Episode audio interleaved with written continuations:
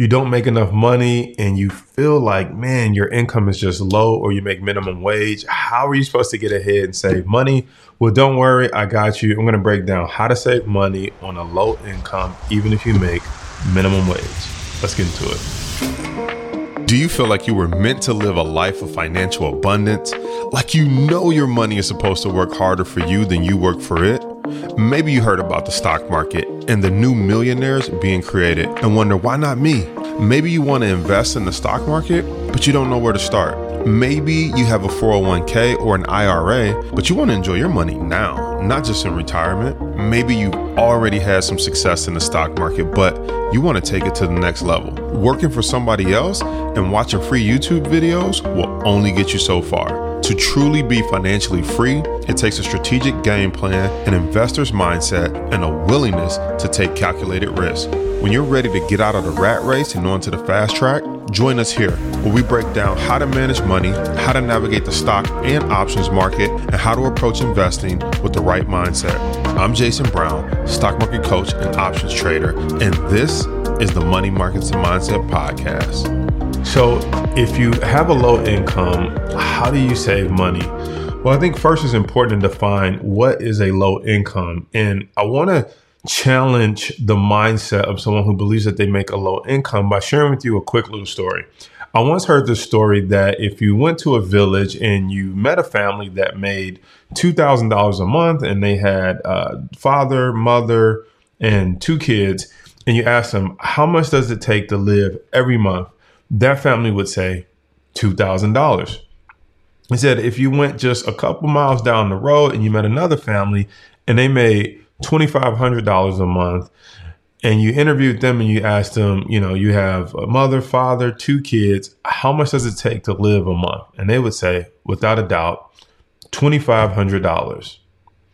And so the interesting part of the story is what happened to the $500? one family said it takes $2,000 to live, and one said it takes 2,500 to live. Well, that's what I want to talk to you about because having a low income means you have to become resourceful and becoming resourceful means you have to look at what's really important in your life if you're trying to get ahead. So for example, if you have a low income What's really important for you to survive every day? Typically, I like to put them into three categories. Number one, food. You have to eat. Your body needs food and nutrition to function. So you have to eat. Number two, you need shelter. If you are, you know, a human being, you need somewhere to lay your head at night, somewhere to feel comfortable, somewhere to feel safe. And so you need a place for shelter. And then number three, depending on where you live, you need some type of transportation, specifically if you're going to get to a job, get to a grocery store, or try to get to some type of opportunity to further your career or, or better your life. You're just going to need some type of transportation, whether it's public or whether it's private. So now let's take a dive deeper into those three things. So when you look at what does it take to live off a low income, and you want to save or get ahead, you have to be willing to sacrifice to go down to your bare necessities. So if you know you need food, but do you have to eat at the best restaurants? Do you have to shop at the best grocery stores? Or what can you eat on a budget and still get the nutrition that you need so that you can keep that cost to a minimum? When you think about transportation, you may live in a place where you have a car, but there's a difference between driving a Tesla and driving a used reliable car that you paid five to ten thousand dollars for for cash. Now, the third piece is shelter. So you're going to need somewhere to live, but do you need the three, four bedroom home with the uh, office and den off the, the breezeway? Or do you just need something like a small apartment or a place that you feel safe in a comfortable neighborhood, but just enough to get by? So when you're living off a low income, you have the ability to really compress. There's a difference between what you want, so you can compress what you want down to what you need. And that usually creates that margin in the first story that I told you about how one family, same size, lives off 2000 one family same size lives off 2500 the family that lives off 2000 has proven that there's a five thousand a five hundred dollar margin that of waste or fat that you can cut down and now that starts to turn into savings. Now, if we were to go more surgical or more uh, into modern times of things that you use, you might want to look at your cable bill and say, is there a way that I can call the cable company and renegotiate my bill? Can I switch from one company to the other and get the deal? And once that deal is over, switch back to the other company. You don't really matter which company you're with. Only thing that might matter is do I have internet because I work from home or because my job requirement or because my kids are doing homeschooling, you don't necessarily care what the company is. You might have to let go of some luxuries like I like their menu, I like their remote control, or I like their on demand. But remember, we're trying to figure out how to save money on a low income. Once we save enough and eventually get to investing, we can figure out how to start going towards our wants and some of the luxuries. But for now, we might have to deal with some temporary inconveniences like I don't like the menu of this company or their internet isn't as fast as this company, but it's fast enough to do what I need with respect to working from home or my kid being on homeschool. The other thing is when you think about a car, I know one of the things that I did, and uh, you know, one of the things I understood early on was math and numbers. So one of the things that I looked at was car insurance. Most people, when they get car insurance, for example, so this falls under transportation, most people, when they get car insurance, they go for a $500 deductible. A lot of people don't understand that actually might be a big mistake. And here's why you can have a car with insurance with a $500 deductible, and they say, we're going to charge you, let's just say, $150 a month. Well, if you raise your deductible to $1,000, which is what I did, we have $1,000 on all our cars, we noticed that our deductible or our monthly insurance charge went, for example, from 150 down to 100. So you mean to tell me I save $50 a month just for going with the higher deductible? Well, what happens is if you do the math and say, when's the last time have I been in a car accident? If it's been over a year, or in this case, over 10 months, if you can save that $50 for 10 months, you can put that $500 aside so if you were to get in an accident and you had a thousand dollar deductible, you save five hundred dollars over ten months by saving fifty a month. And so now, if you get into an accident, you're back down to that five hundred dollar deductible. But here's what happens: if you haven't been in an accident in the last two, three, four, five years, if your driving kind of stays the same and long as nothing changes or you don't get in an accident, you can start to see how saving that $50 a month for 12 months year number two, you're like, that's extra $600. Year number t- uh, three, that's an extra $1,200. So you can start to see how year number four, you have an extra $1,800 that you save being on a quote unquote low income. That's money that you can use to invest in the stock market. That's money that you could use to pay for some type of education or some training that could increase your skill. So I hope I gave you some different ways and ideas to think about how to save money while living on a low income. Now, let's transition to if you make minimum wage. I want you to think about minimum wage as the starting point. So, here in Michigan, the starting point is $9.25 at the time of this recording. But when you think about minimum wage, what is it really saying? It's saying for the skill or the task or the value that you bring to the table is of minimum value. So I'm going to pay you the minimum wage that I can pay someone to do that. Now, don't get that confused. That's not saying you're not a good brother, husband, mother, daughter, good member of society. That's not what this is all about. This is just saying for that task, for that minimum task, that's the minimum wage that people are willing to pay for that. So, what I want you thinking about is not they should increase minimum wage or uh, I should get paid more for this. What I want you to do is look internally at your skill set and say, what can I learn to bring more value to people that people are willing to pay for? I'll give you an example. Teachers are some of the most valuable people in this world. But if you ever talk to a teacher, they usually will say, I don't make that much money. I make 30, 40, $50,000 a year. Yet they're training the next generation. They're training our youth. They're teaching them their manners. They're, they're, they're, they're, they're having the bigger influence sometimes than the parents. However, if you look at a lawyer, right? The teachers are training the kids not to get in trouble, to be a productive member of society.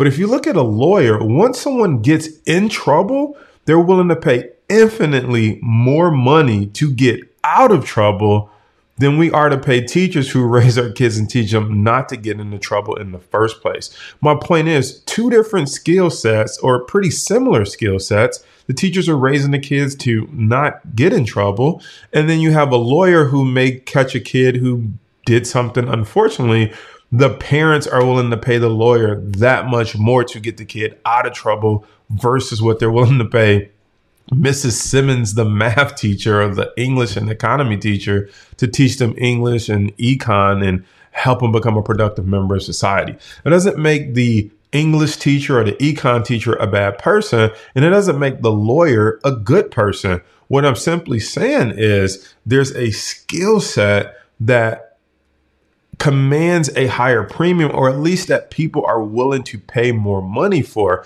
And so when you look at minimum wage, you need to ask yourself, how can I learn a skill to increase my value to the marketplace that people are willing to pay more than what's here in Michigan, the 925 for, so that I can start to say, now let me look at my personal finances and see where can I cut, where can I budget, and what can I put in place so that I can save money off this minimum wage and this low income, but start to increase my income and also potentially start to put that money into the stock market.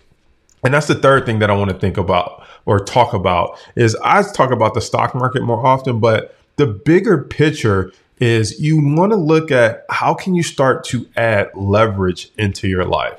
So if you make a low income, it's a good chance that you probably work a job. And there's nothing wrong with working a job. I worked one for many years and we have people that work for our team. But what I'm simply saying is when you work, you trade some hours, you get paid. You don't work, you don't get paid. In fact, I found that hourly is typically better than being salary because when I was salary, I worked 80, 90 hours. And guess what? I never made one penny extra than what I agreed to make when I first signed on the dotted line to get that salary.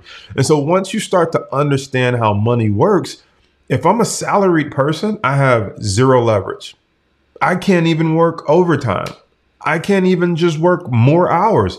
Doesn't matter. I'm not going to make any more money than what I was agreed to with that salary. And that's okay. That's not a bad thing. The question is, how do you start to get leverage in your life? And so for me, the stock market is one of those opportunities to get leverage. It just simply means can something else work alongside me while I'm working my hourly job or while I'm working my salary job? So, can there be something that's also at work while I'm at work as well? Does that make sense? So, if I'm at work and my money is at work from nine to four, four o'clock in the stock market, now my money has the ability to give me leverage. That means if I'm working eight hours and my money's working eight hours in the stock market, I now have found a way to work 16 hours. Now, that's just one form of leverage. Another form of leverage would be possibly starting some type of small business where you have employees or contractors or